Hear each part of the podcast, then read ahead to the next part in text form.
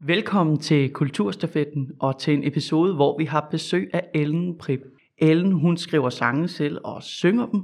Hun har lige udgivet en ny EP, og i øvrigt en kreativ person med mange bolde i luften. Rigtig god fornøjelse.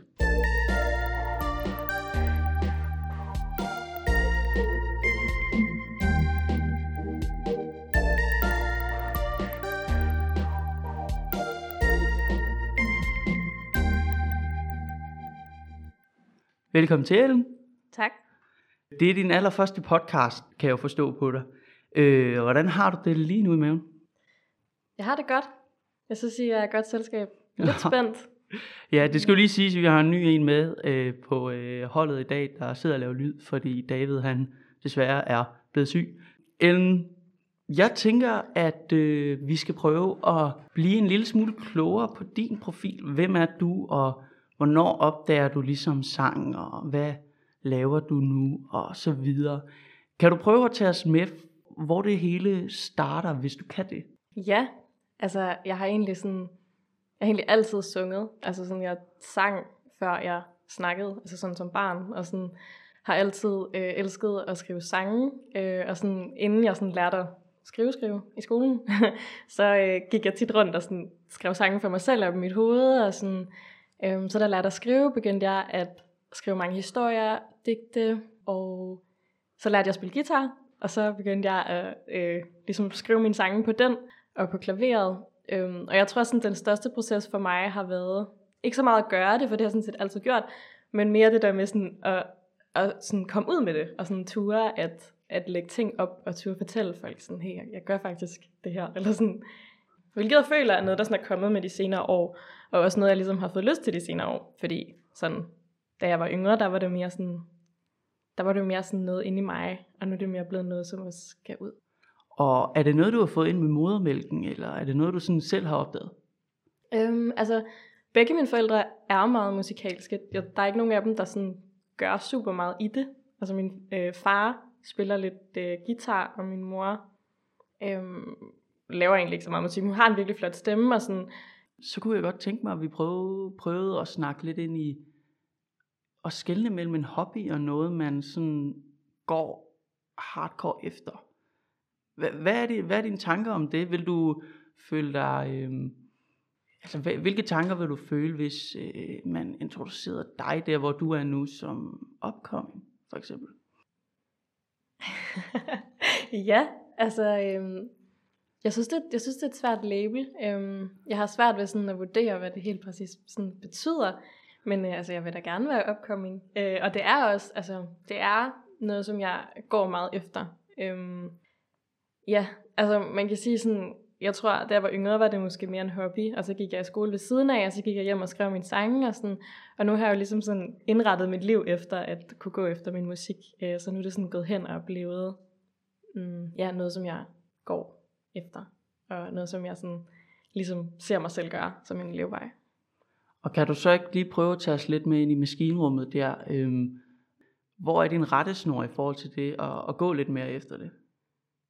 Mm, jeg tror, det er noget, der sådan kommer meget sådan indefra på en eller anden måde. Altså, øhm, ja, jeg tror bare, jeg har kunne mærke, at det var det, jeg skulle. Og så havde jeg en periode, hvor jeg sådan, på en eller anden måde, jeg tror, jeg blev sådan lidt styret af, at jeg synes, det var lidt skræmmende at gå efter det, fordi sådan, mine venner, de begyndte at snakke om, sådan, om jeg skal være øh, læge eller psykolog, og det hele lød bare sådan virkelig sejt og meget sådan øh, A til B-agtigt. Sådan, de vidste, hvad de skulle, og de skulle på uni, og sådan, øh, og så synes jeg, det var vildt skræmmende at sådan gå den her vej øh, på en eller anden måde. Og så, ja, så jeg havde sådan et, øh, et fuldtidsjob i en øh, vuggestue som pædagogmedhjælper, og alle mine venner var bare sådan, åh, det er mega fedt det der, du har et virkelig dejligt job. Og, men lige pludselig gik det bare op for mig, at jeg levede en anden persons liv. Altså, jeg var ikke glad i det, jeg gjorde. Jeg havde det ret dårligt faktisk, fordi jeg sådan ikke fulgte det, som ligesom er autentisk for mig. Så jeg tror, ja, rigtig meget det er noget, der kommer sådan indefra, at jeg tror meget, min rettesnor er, at jeg har det godt, når jeg går efter min musik, og jeg har det dårligt, når jeg ikke gør det. så det er sådan meget sådan en, det er jo bare det, jeg skal gøre-agtigt. Og så, ja, så sagde jeg det der job op, og begyndte at arbejde deltid i stedet for, og sådan fik meget mere tid til min musik, og så sådan, følte jeg bare sådan, blomstrede lidt indeni. Og jeg fik det virkelig godt med, med det, jeg gjorde, fordi det føltes rigtigt. Og det lader jo også til, at der er andre, der så har fået øjnene op for, at du faktisk har fat i et eller andet. Hvordan er det ligesom at, at, at se andre også synes, det man laver, det, det kan et eller andet? Jamen, det er da fedt. Altså, det er altid, det er altid rart, når sådan, det, jeg ligesom laver, resonerer med andre. Øh, så ja, det er da nice. I din musik, der er du jo rigtig glad for ord og ordvendinger og ordspil, øh, og man skulle tage og gå ind og lytte til det, hvis man ikke allerede har gjort det. Du udgiver snart en ny EP. Jeg har lige udgivet en EP. Du har lige udgivet en ny EP. øh, fornemt. Kan vi prøve at snakke lidt ind i, hvordan du sådan arbejder med de her ord her? Altså, hvordan opstår de, og, og, og i samspil med musikken? Øhm, ja, altså det er meget noget, der sker samtidig. Øhm, og sådan, det er oftest, mm, altså det er sjældent, jeg sådan sætter mig ned og tænker, nu skal jeg skrive en sang. Det er mere sådan, jeg får en eller anden sådan ting ind i, og så er jeg sådan, så går jeg bare hen og gør det, og så sådan, ofte så ved jeg ikke rigtig, hvad den skal handle om, før den er færdig, og så er den færdig, så er jeg sådan, nå ja, det var sådan, der jeg havde det, agtigt. Så det er meget sådan noget med at på en eller anden måde sætte ord på noget, der foregår indeni. Øhm, ja. Hvis man er glad for ord, så kunne det ofte også være øh, sådan noget som poetry slam og, og øh, andre sådan ordting, som du har været inde på. Du skrev historier som barn og sådan noget der. Var der tidspunkter i den rejse der, hvor du tænkte, ej, det er måske mere sådan noget poetry slam, jeg skal gå efter, eller så kan du undvære musikken i det også? Mm, altså jeg har også lavet øhm, poetry slam førhen, og skriver, altså skriver stadig nogle gange bare digte, hvor der ikke kommer musik på, men jeg kan godt mærke, at der er sådan en drive øh, efter at sådan sætte noget musik og noget, øh, noget sang på. Jeg tror bare, jeg elsker virkelig at synge, og jeg elsker, at, sådan, at musikken på en eller anden måde er så, så bred en udtryksform, at der både er sådan der er ord, og der er tekst, og der er melodi, og der er akkompagnement, og jeg synes, det er vildt fedt, at, at det kan være så, så bredt. Så jeg tror, jeg får bare altid lyst til at putte mere på, når jeg så har skrevet nogle ord. Øhm, ja. Og hele den proces, er det udelukkende dig selv, der står for alt det? Øhm, ja, det er det. Øhm, altså nogle gange så sådan mødes jeg med mine venner og jammer og sådan noget, men det der med at skrive, det er, sådan, det er meget noget, jeg gør selv. Øhm, ja. Og, og du spiller også selv til din egen musik? Ja, det gør jeg. Og så øhm, de sidste par gange, jeg har udgivet, har jeg arbejdet sammen med en øh, producer, som hedder Kasper Sandberg. Og han har så ligesom lavet sådan the finishing øh, mixer master og sådan noget, når, når det hele er indspillet og akkompagnementet er lavet og sådan noget. Men, øh, men det andet laver jeg selv, og musikken og sangen. Og, ja. Og, og hvordan var det at komme ind i det loop der? Altså, følte man sig lidt mere sådan, jeg kan sige, sådan professionel, eller sådan, taget lidt mere seriøst på et eller andet plan? Ja, 100%. Jeg tror også, det er fordi, jeg begyndte at tage mig selv mere seriøst. Altså sådan, jeg udgav på et tidspunkt tre, jeg tror det var tre singler på Spotify, og det var, altså, det var bare mig, der havde indspillet noget ind i mikrofon. Der var slet ikke lavet noget mixer master. Jeg forstod mig overhovedet ikke på det der. Jeg tror lige, jeg satte sådan en eller anden sådan echo-effekt på min stemme, og så lavede jeg det bare ud. Og det lød jo bare, altså kvaliteten var jo bare, øh, det var bare skrald. Altså det var virkelig dårligt. Og det endte også med, at jeg blev nødt til at slette det igen, fordi det, øh, ja. Men altså det var også en proces at lære, altså når jeg, det er jo også vigtigt, øh, at det ligesom lyder radio ready, og det er ikke bare sådan en flad indspilning. Og den proces der, altså den giver vel en helt vildt meget, kunne jeg forestille mig. Mm.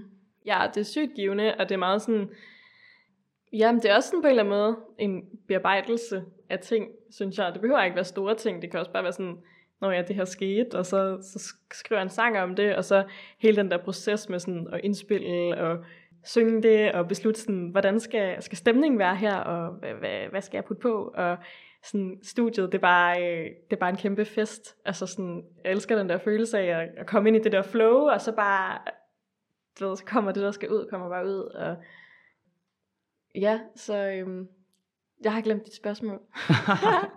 Men øh, dit musik kommer jo så ud, og, øh, Ja, det og, det. og vi var lidt inde på det her med, at øh, folk tager faktisk godt imod det. ja. Øh, du er jo blevet en del af karrierekanonen. Kan du ikke prøve at, til dem, der ikke lige ved, hvad det er, og sætte lidt ord på, hvad, hvad det er? Jo, det er lidt pinligt, jeg er sådan, faktisk ikke helt sikker på. Hvordan må jeg lige forklare det, men øh, mener det DR, der har sådan, øh, sådan en side, hvor man kan, kan sende ind, hvis man er musiker og laver musik, så kan man lave sådan en kunstnerprofil, så kan man øh, lægge ind øh, to numre, øh, og så lytter de til dem, øh, og sådan, øh, hvis de så kan lide det, de hører, så, så nogle gange så sådan, øh, anbefaler de ens numre, øh, og sådan bringer dem frem på siden. Øh, jeg har lavet mig fortælle det ret godt, hvis man gerne vil sådan, ja, mere ud, eller gerne vil have noget i radioen, eller et eller andet sådan. Øhm, så kommer man ligesom ud for et lidt bredere publikum. Mm. Og man kan sige, det er jo en, det er jo en ting, der ligesom er faciliteret, øh, som vi så kan bruge.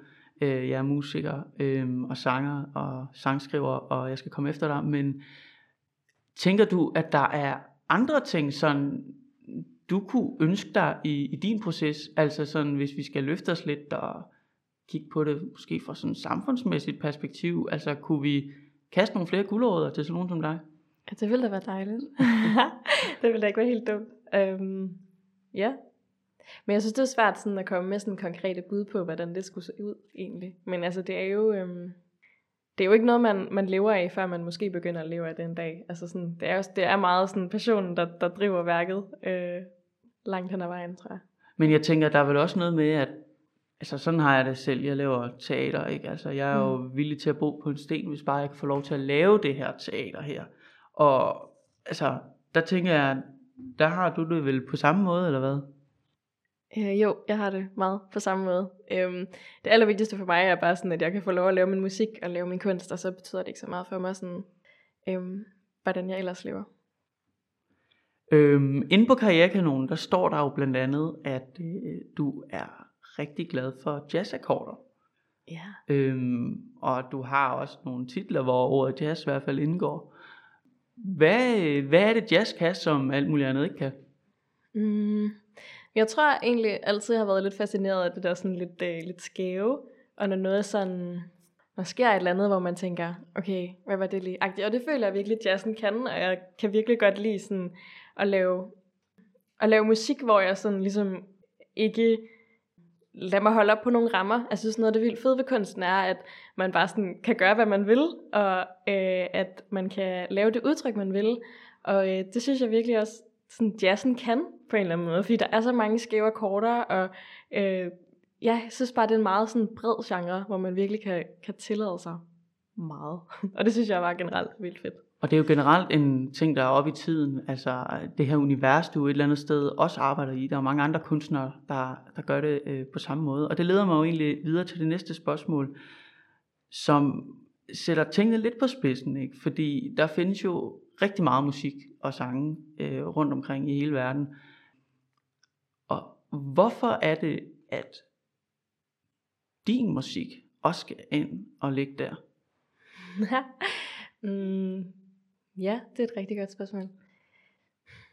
Jeg tror det er fordi, det føles virkelig rigtigt for mig. Og øhm, altså, jeg synes det allervigtigste som kunstner, altså for mig i hvert fald, er sådan, at jeg bliver ved med at være autentisk over for mig selv, og jeg bliver ved med at udtrykke noget, der er ægte. Og øhm, jeg føler, at hvis jeg udtrykker noget, der er ægte, så må der også være andre mennesker, som kan relatere til det, jeg laver. Altså jeg tænker, man, man kan mærke en nerve, og vi kan mærke hinanden, og sådan, ja, så jeg tænker vel derfor. Og der tænker jeg vel også, du måske, når du skriver og, og, og optræder med mere, at du har vel et budskab, øh, et eller andet, du gerne vil have igennem. Hvad, hvad kunne det være? Så jeg har, vel lidt, jeg har måske allerede lidt været inde på det, men jeg tror meget, det er det her med sådan bare at stå ved sig selv. Altså sådan, jeg kan mærke, at jeg skal lave musik, øh, og, og så, er det, så er det det, jeg gør. Så jeg tror virkelig meget, det er det. Stå ved sig selv, og ikke være bange for at, at vise det, som, som man gør, og dele det med andre. Ja. Og når du så er så god ved, øh, eller god til at stå ved dig selv, øh, så kunne jeg godt tænke mig lige at springe lidt tilbage igen til, til tiden på folkeskolen og, og gymnasiet og sådan noget der. Fordi sådan tror jeg, der er mange unge mennesker, der har det i dag, det her med, at de kan godt føle sig en lille smule speciel, øh, når det kommer til det, det brede billede af unge mennesker. Øh, når du vil være sanger, nå, okay, god fornøjelse med det, ikke? Tro på det, ikke? Ja. Hvordan har du det med, med, med de fordomme, der måske et eller andet sted kan ligge på den, øh, ja, hvad kan vi sige, vækstrejse øh, fra vi starter med at gå i gang, og nu udgiver du noget, og nogen får øje på dig. Hvad, hvad tænker du om de fordomme? Har du mødt nogle af dem? Øhm, ja, jeg har mødt virkelig mange af dem, og jeg synes, det er sygt ærgerligt. Jeg kan godt forstå, hvorfor det er, altså hvorfor folk kan tænke sådan, fordi det er jo, altså, det er jo mere ustabilt, end det vil være at, at gøre alt muligt andet. Men jeg synes, det er vildt ærgerligt, og jeg synes, det er meget kedeligt, altså fordi sådan, altså det hele skal jo nok gå, jeg skal jo bare gøre det, jeg gerne vil, og jeg skal nok tjene nogle penge ved siden af, og sådan, ja, så jeg synes, det er, jeg synes, det er ærgerligt, der er så mange fordomme omkring det, og der er så mange sådan idéer om, hvad folk kan og hvad de ikke kan, for jeg tror, det begrænser folk virkelig meget, og jeg tror, at mennesker kan meget mere, end de tror, de kan. Øh, og jeg synes, det, det er ærgerligt, når vi putter hinanden og os selv ned i sådan kasser, der, der ikke passer til os. Øhm, så det synes jeg er, er vildt ærgerligt, og altså, jeg oplever det stadig øh, ret tit, øh, det der med sådan, de der fordomme, eller i hvert fald sådan en, altså det er jo ikke fordi folk vil være onde eller noget, men jeg, jeg tror bare ikke, jeg tror bare ikke folk sådan helt altid forstår det. Altså sådan, altså man spørger jo ret tit folk sådan, hvad de laver, ikke? Og sådan, øh, jeg føler tit, at det jeg laver sådan kræver en eller anden forklaring, og det gør det måske også, altså sådan, så siger jeg sådan, at jeg er musiker, og så siger de sådan, nå, så du har sabbatår, og så siger jeg sådan, nej, jeg har ikke sabbatår, jeg er musiker, og så er de sådan, nå, studerer du? Så sådan, nej, jeg studerer ikke, jeg er bare musiker, du ved, altså sådan, jeg kan, jeg kan godt forstå, at det kan være svært på en eller anden måde at sætte sig ind i, fordi det er sådan, måske lidt noget andet, ja. Og, og hvordan plejer du så at, hvad kan vi sige, holder du bare paraderne op for det, eller hvordan, øh, hvordan tager du imod den? Mm, nej, for jeg føler egentlig folk, altså de er jo, det er jo egentlig bare nysgerrige og vil gerne forstå. Altså der er jo ikke nogen, der sådan, jeg igen mener noget ondt med det, de siger, så jeg tror bare, jeg sådan ligesom prøver at, at forklare, hvad der foregår, agtigt, eller sådan, hvad jeg laver. Øhm, ja. Hvis nu der skulle sidde nogle øh, unge mennesker og lytte med her, øh, og andre for den sags skyld, har du så et eller andet, øh, et råd, eller et eller andet tip, du kan give med videre til dem, derfra hvor du står nu, og med den udvikling, du allerede har nået, ikke? Mm. Og især i forhold til det her med fordommen og sådan noget, ikke? Ja, jeg tror det handler rigtig meget om at, at bare blive ved og bare gøre det. Og noget som hjælper mig rigtig meget er at ikke sådan, jamen, altså man er jo vildt forskellig, men sådan ikke tænke for, øh, for langsigtet. Altså jeg er meget sådan, okay, hvad skal jeg gøre i dag, altså for at, at komme komme på en eller anden måde, komme ud med min musik, eller komme fremad, og så er det noget med sådan, om i dag skal jeg øve mig øh, det her antal timer, og jeg skal synge den her sang, og jeg skal lægge det her opslag på Instagram, eller jeg skal indspille noget på den her EP, eller sådan, hvor det var sådan, det der med sådan at tænke, okay, hvad skal jeg gøre i dag, fordi det kommer meget an på, hvem man er, der er jo også nogen, der bliver meget motiveret af, at, øh, at se mere langsigtet, men jeg kan godt nogle gange drukne i det, hvis jeg kommer til at se for langsigtet, og, og sådan, altså, så bliver det hele så uoverskueligt på en eller anden måde, så ja, jeg tror, det er noget med at, at blive ved, og så, bare, og så bare gøre det hver dag, og tage det en dag ad gangen, og sådan bare få, øhm, få lavet et liv, som, som giver mening i forhold til det, som man gerne vil. Og det altså, hvis man gerne vil være kunstner, så er det jo noget med at bo billigt, og øh, have nok et arbejde ved siden af, og øh, så bare øh, gøre det hver dag, og ja. Men har du drømme om, at, øh, hvad kan vi sige, Altså det er jo en god starterpakke, ikke? Altså mm. der starter vi alle sammen, ikke? Altså sådan, har du en drøm om også at kunne slippe det mod faktisk at gå hen og leve altså fuldt ud af musikken? Ja, det ville da være vildt fedt. Altså, det ville jo være, være drømmen, øhm, fordi det er det, jeg elsker at gøre. Men jeg er også meget sådan afklaret med, at altså, hvis det aldrig sker, så, så skulle det aldrig ske. Fordi sådan, det, der, det, jeg virkelig synes er fedt, det er at få lov at lave min musik. Og det kan jeg jo blive ved med at gøre ligegyldigt hvad. Men altså, det ville da være vildt fedt, hvis jeg kunne leve det en dag. Øhm, også fordi, så ville jeg jo kunne lave endnu mere musik. Altså, sådan, nu arbejder jeg jo også ved siden af, og er egentlig vildt glad for mit arbejde, men det er jo på en måde et tidsspor i forhold til, hvad jeg egentlig gerne vil. Øh, et sted, hvor der er rigtig mange andre personer med, og unge mennesker med, med samme viljestyrke omkring kreative projekter, det er jo blandt andet på øh, efterskoler. Øhm, og du har gået på Viby ja, efterskole. det har jeg. Skal vi ikke lige prøve at spole tiden tilbage til Viby? Hvordan var det at gå på en efterskole, hvor det sprudlede med folk med ambitioner omkring kreative ting? Det var mega fedt. Jeg tror også, det var, mm, jeg tror også, det var der, hvor jeg begyndte at sådan, stå lidt mere ved det, jeg gjorde. Altså jeg kan huske, jeg, jeg puttede mig stadig lidt med det. Jeg synes, det var lidt skræmmende at så stille mig op og gøre ting. Øhm, men, men jeg fik gjort det lidt, og jeg synes, at selve sådan, øh, hvad hedder det, forumet for det var vildt fedt, fordi folk var så støttende, og vi var alle sammen sådan i samme båd, vi var alle sammen sådan, du ved, passionerede omkring vores kunst, eller vores dans, eller vores teater. Og, øhm, det var virkelig sådan et meget, øhm, ja, fagnende og, og sådan kreativt miljø. Det var mega fedt. Og efter Viby, øh, så tog du videre på katedralen? Ja. Ja, øh, Odense Katedralskole. Øhm, og der blev du vel også mødt af en eller anden vis form for kreativitet. Øh, hvis man kender Odense, så ved man da i hvert fald, at der også er kreative mennesker på blandt andet øh, katedralen. Men hvordan var det at komme ind i sådan et miljø der, kontra efterskolen? Der tænker jeg, at det må have været et fantastisk år, og så lige pludselig rammer virkeligheden en lille smule mere med det. Ja, men jeg tror faktisk, altså sådan, jeg kunne vildt godt lide at gå på efterskole, men jeg tror, da jeg var færdig, så var jeg også færdig. Så var jeg sådan egentlig klar til at komme videre, og jeg synes, at øhm, gymnasiet var også mega fedt, fordi det blev mere sådan teoretisk. Jeg lærte alle mulige ting, jeg ikke sådan vidste, og det var noget med sådan at nørde helt ned i teori. Øhm, Omkring musikken går jeg ud fra. ja, omkring musik. Jeg har læst på en øh, musiklinje, og øh, det synes jeg egentlig var mega fedt, og det var, altså, det var lidt noget andet. Øhm, det var mindre, det var mindre intenst, øh, selvom altså, intensiteten på efterskolen var også mega fed, men, men det var lidt noget andet, Øh, men øh, også virkelig sådan givende, synes jeg. Jeg synes i hvert fald, jeg lærte helt vildt meget øh, musik, jeg går på gymnasiet, og mange ting, som jeg sådan ikke ville have, øh, jeg bare ikke ville have sat mig ned og researchet selv, tror jeg. ja. Og så stopper du jo på, hvad her det, gymnasiet, og hvad, hvad sker der derfra, sådan rent musikalsk for dig?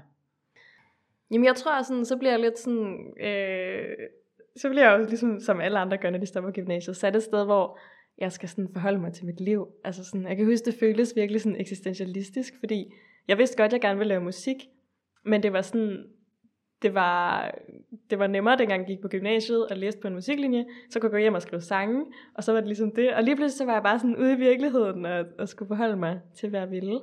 Det var faktisk der, jeg fik det der fuldtidsjob, og sådan, i starten hang det fint nok sammen med både at arbejde fuldtid og gå hjem og lave min musik, og sådan, men så blev jeg bare nødt til på et tidspunkt at indse, at det blev for, øhm, det blev, det blev bare for meget, altså sådan, det blev for, for meget arbejde og for lidt musik, og så fik jeg lige switchet rundt, så det blev mere musik og mindre arbejde. Øhm, og så tror jeg virkelig, altså de sidste, er det ikke to år? Jo, de sidste to år, næsten to år efter at stoppe gymnasiet, har virkelig været sådan en fed proces for mig i forhold til at, øh, at blive endnu mere altså, grounded i, sådan, hvem jeg er som kunstner, og hvad jeg gerne vil øh, i det hele taget. Ja. Den her virkelige verden her, den byder jo som sagt på, på de her ting, man bare oftest nogle gange bliver nødt til at skal indse. Altså, jeg skal tjene nogle penge, fordi jeg har en husleje, eller whatever. Mm. Men du øh, holder jo stadigvæk fast i musikken. Vi har været inde på, nu har du udgivet en masse. Du har lige udgivet en ny EP. Den skal man høre. øhm, nu tænker jeg også, vi skal gå lidt ind i, øh, i en af dine egne andre projekter. Øh, du også har øh, integreret dig i, nemlig den åbne scene. Uh, ja. Ja, ja. og altså, har du ikke lige en kort salgstale på, hvad det er for noget? Jo, den åbne scene er fin. Øhm, vi holder sådan nogle øh, arrangementer et par gange om måneden, øh, hvor man kan komme. Det er på øh, Kulturmaskinen ind i Odense for det meste. Øh, nogle gange om sommeren har vi også gjort det ved havnen. Og så kan man komme øh, og stille sig op på scenen med sådan øh, lige hvad man har lyst til. Der er ingen øh, grænser øh, for kreativ udfoldelse.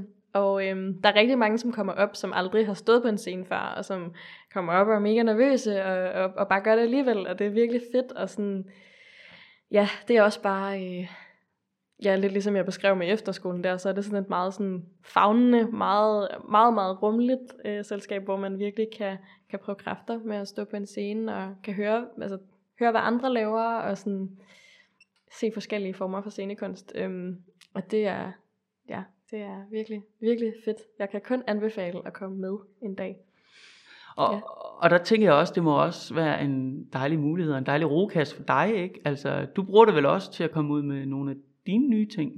Øh, ja, 100%. Altså, det er også et godt sted sådan at afprøve ting, og altså sådan, nogle gange, øh, så har jeg for eksempel skrevet en sang, og så er jeg gået op med den, så jeg tænkte, det her, det er mega godt, og så har der måske ikke sådan lige været den sådan store respons på det, og jeg har også prøvet det omvendte, at jeg har skrevet en sang, og har været sådan, nej okay, det er lidt so-so, og så har der været sådan en virkelig god respons på det, og altså det er jo ikke, øh, det er jo ikke fordi, det skal være sådan altafgørende, øh, men, men det er da vildt fedt at sådan prøve ting af og mærke sådan, når, hvor, er, hvor ligger stemningen lige i forhold til det her, og har også hjulpet mig af med noget sceneskræk, og sådan, jeg tror bare, jeg er blevet bedre til at bare gøre ting, efter jeg begyndte at være der. Sådan, ja. Sceneskræk, altså nu, øh, nu opfanger jeg jo lige et ja. ord her, noget vi skal snakke om. Ja. Øh, sceneskræk. Du har udgivet en masse, der står man sjovt nok ikke for, øh, over for et publikum. Nej. Men det gør du jo på den åbne scene. Og det siger du lige, det har sådan hjulpet dig med at slippe af med det. Hvordan var det før det? Jamen, altså, der var jeg virkelig ret nervøs øhm, for at stille mig op på en scene. Jeg kan stadig godt blive det, men altså, jeg har altid haft det vildt ambivalent med det, fordi jeg vil godt lide at stå på en scene. Øh, egentlig, jeg har også sådan, lavet teater førhen, og øh, det der poetry slam, og jeg har altid elsket at synge, og sådan. Jeg kan vildt godt lide det, men samtidig så øh, af en eller anden grund med min musik, Øh, lige præcis det, det synes jeg bare var ret skræmmende at stille mig op og gøre. Og så har jeg nogle gange øh, førhen sådan, kom til sådan at, at overtænke alting i mit hoved, og tænke sådan, åh oh, nej, hvad nu hvis jeg synger falsk nu? Og når man bliver ved med at fokusere på, at man ikke skal synge falsk, så synger man typisk falsk, ikke? fordi det er sådan, ja, hjernen er, er underlig. Og øh, ja, så har det bare hjulpet mig mega meget, at, at ligesom få sådan et, et, et sted, hvor det var meget, meget trygt at, at være. Og så er jeg bare blevet ved med at stille mig op på den der scene, indtil det ikke var, øh, var lige så skræmmende mere. Øhm, og nu er der selvfølgelig stadig... Nej. Men det var mest bare om, tænker du, det er noget, der ligesom, den sceneskræk, det var noget, der ligesom øh, havde vokset sig indenfra, eller det var noget udefra, altså nogle tendenser udefra, altså blandt unge mennesker, sådan noget, ej, hvad laver hun igen, de her fordomme her, eller, eller var det en sceneskræk, der oprigtigt bare groet ind i dig? Mm. Jeg tror faktisk, jeg tror faktisk ikke, det er kommet fra nogen fordomme. Jeg føler altid, at folk har været mega søde. Altså, jeg føler generelt, at folk er mega søde, når man stiller sig op på en scene. Altså, vi vil alle sammen gerne sådan, tage godt imod hinanden, og sådan, jeg tror meget, det... Ah, altså, jeg havde lidt at sige det, men jeg tror, jeg, tror, jeg har haft lidt sådan en... Øh, sådan, om du skal heller ikke fylde for meget, eller sådan lidt sådan jantelov, sådan, du ved, du skal ikke tro, der er noget agtigt. Og det, det er jo vildt ærgerligt, altså, fordi man skal jo bare gå op og gøre sine ting, og ligesom være den, man er, og udtrykke sig. Ikke? Men jeg tror, jeg har haft den meget sådan, en frygt for, at bare gå op og gøre ting. Og så havde jeg også en, øh, en øh, bedste veninde i folkeskolen, som sang som en enge, altså hun sang virkelig godt. Og hun var virkelig god til at bare gå op og gøre det. Og jeg tror, det gav mig sådan en eller anden, sådan, nærmest sådan ærefrygt, eller sådan. Ah, ja, jeg ved det ikke. Og nu er du inde på det, det var så en fra din, øh, din skole, der, der sang. Har du andre øh, personligheder, øh, og sanger generelt, du, du ser lidt op til at spejle dig i? Altså, øhm, jeg er ret vild med singer-songwriteren Fiona Apple. Jeg nævnte det lidt tidligere, men hun, øh, hun er virkelig sådan øh, god til at bryde rammer. Altså tit så gør hun bare ting, hvor jeg sådan tænker, hov, det kan man ikke, men så tænker jeg, det kan man jo godt, du kan gøre lige, hvad du vil, det er kunst. Og det synes jeg bare er virkelig grineren. Altså det her med, når folk sådan tænker ud af boksen og, og gør ting, der, øh, der er skøre og underlige, og sådan, øh, og det er også noget, jeg sådan selv godt kan lide at, at benytte mig af. Så hende øh, ser jeg ret meget op til. synes, hun har en virkelig fed tilgang. Men altså, kan kunst ikke også blive lidt for flippet og lidt for gakket, hvor man tænker, ah, har vi betalt skattekroner for, at de kunne opføre det der? Jo, jo, 100%. Altså jeg tror, mm, eller det ved jeg ikke, jeg, jeg, jeg tror, jeg ser det sådan, at det kan selvfølgelig godt jeg har det i hvert fald sådan, jeg, jeg skal ikke lave noget, der er gakket, bare fordi det skal, altså, bare for at gøre det så skørt som muligt. Det kan også noget, men jeg har svært at svare på det spørgsmål.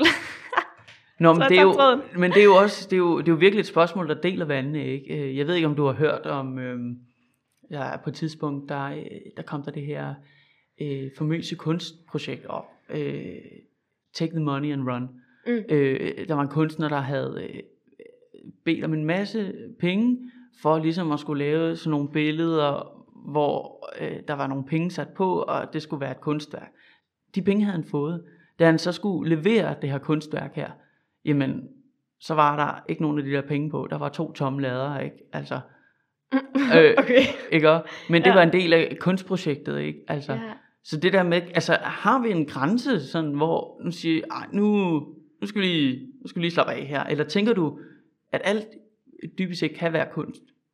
Jeg synes generelt, det er ærgerligt at sætte grænser i kunst. Altså sådan, så jeg synes, så få, så få øh, grænser som muligt, så længe det ikke sådan skader folk, eller opfordrer til vold, eller sådan noget, ikke? Men altså, ja, jeg synes, øh, ja, jeg synes, det er ærgerligt at sætte for mange grænser for kunst.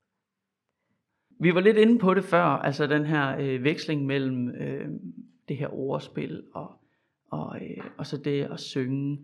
Øhm, kunne, du, kunne du forestille dig at på et tidspunkt kun at tage ordene, altså kun lave ordværker, altså du kun lave digte, digtsamling for eksempel?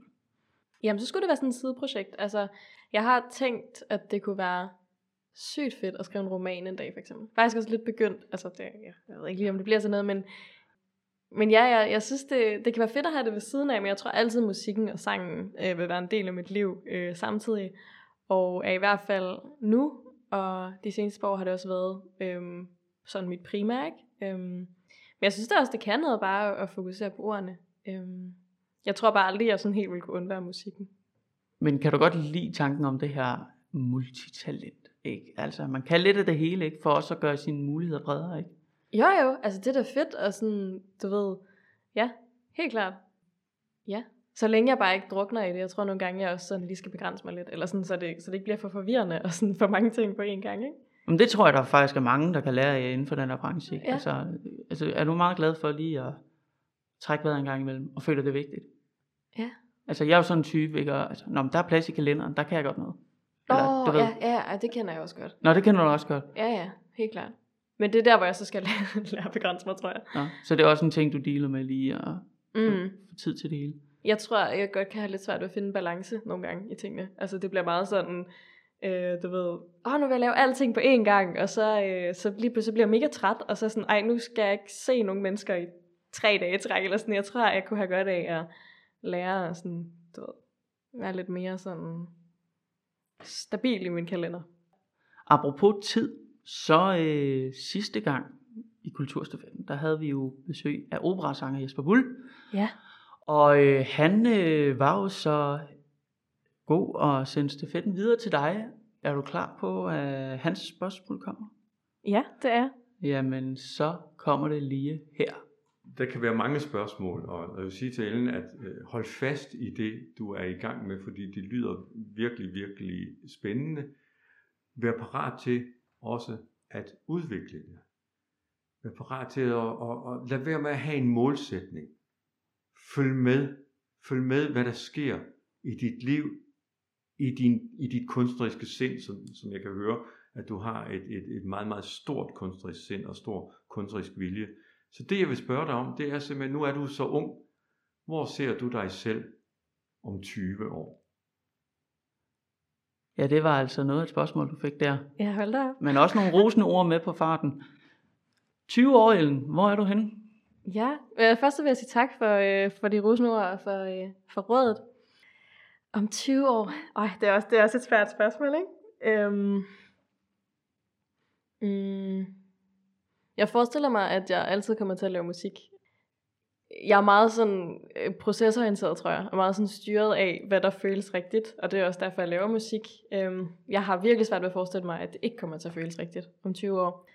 Øhm, så tænker jeg, musikken vil nok altid være en del af mit liv, øh, og kunsten og skrivningen.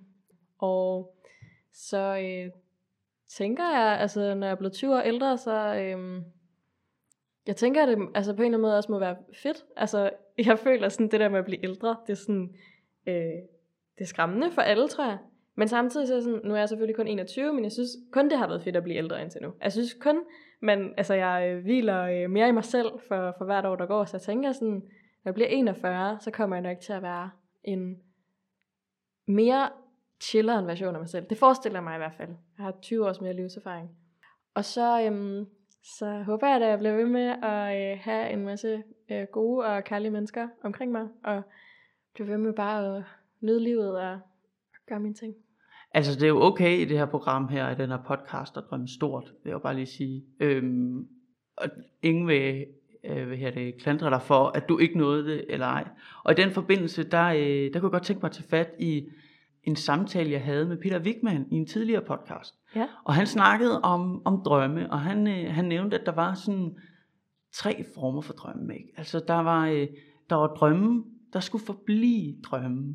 Og så var der de forliste drømme. Og så var der drømme, der blev til noget. Mm. Tænker du, at du kan, altså, er der nogen, du, hvad kan man sige, tænker, at det her, det er en drøm, der nok bare skal forblive en drøm, fordi det vil jeg ikke kunne holde til alligevel. Altså, eller tænker du bare, det hele det er drømmen, der skal blive sådan noget? Jeg synes, det er virkelig fedt sagt, øh, og sådan har jeg aldrig tænkt på det før. Jeg tror altid, jeg har haft en indstilling, at hvis, hvis jeg har en drøm, så kan jeg godt gøre det. Altså jeg har meget sådan en indstilling af, at jeg har ikke lyst til at gøre noget, som ikke kan realiseres, fordi hvorfor skulle det så være inde i mig på en eller anden måde? Øh, lidt svært at forklare, oj shit, jeg skal til mikrofonen. lidt svært at forklare, men sådan tror jeg altid, jeg har haft det. Øhm, øh, så umiddelbart, så føler jeg, at øh, min, øh, min drømme skal realiseres, men jeg vil, jeg vil gå hjem og tænke over, øh, over det, du lige sagde, for jeg synes faktisk, det var øh, spændende sagt. Og øh, så kunne jeg godt tænke mig, i forlængelse af det, jo faktisk lige spørge dig, øh,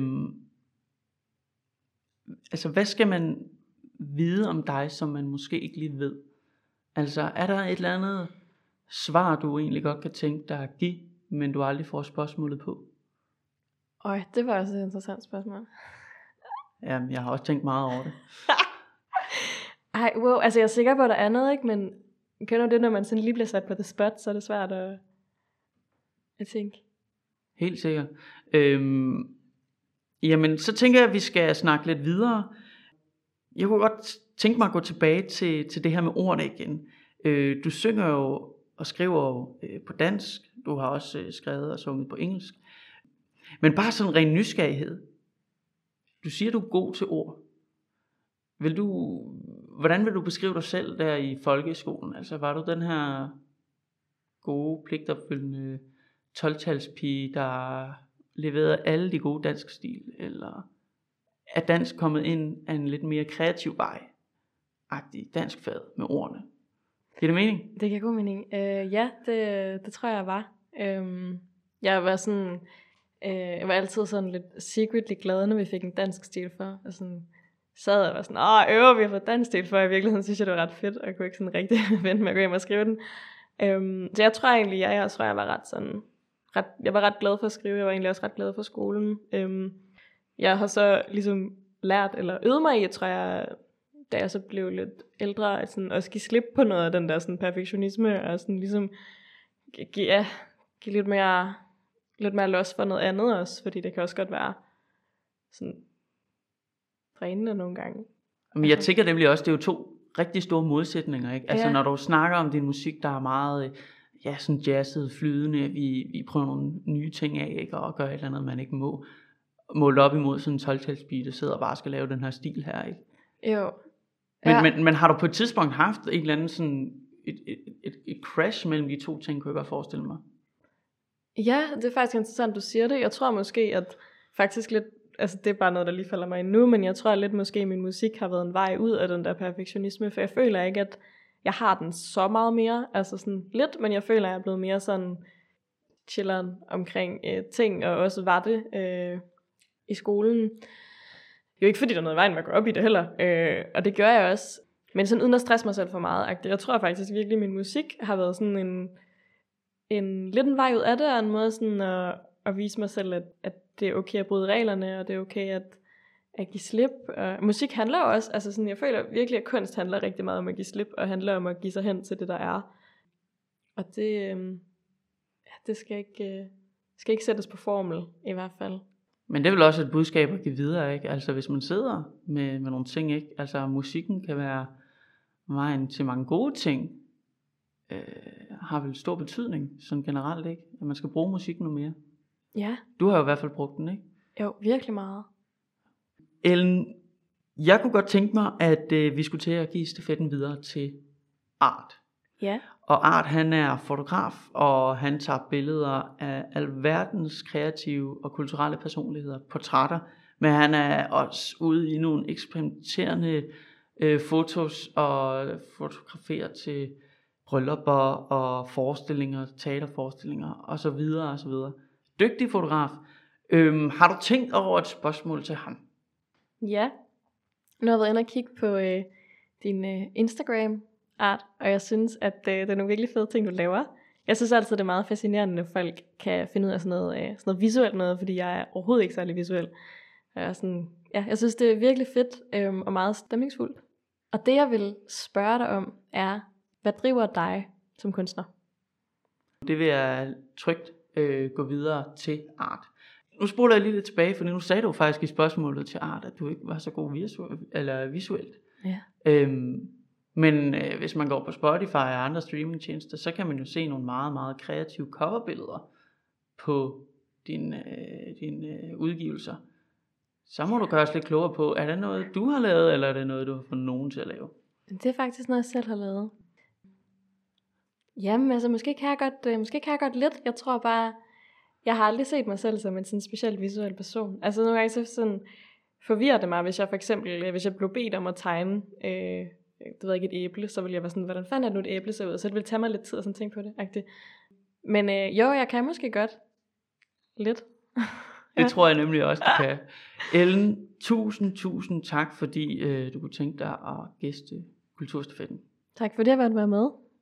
Og så skal jeg lige huske at sige jo, at man jo faktisk har mulighed for at gå ind og støtte Kulturstafetten, og det kan man gøre, hvis man finder vores linktree. Tak for denne omgang. Kulturstafetten, en Green Dog podcast. Redaktionen bag Christian Botoft, David Laumann Hansen og Simon Skytte. Musik af Carsten Lykke og logodesign af Peter Dam. Lyd og mix af David Laumann Hansen.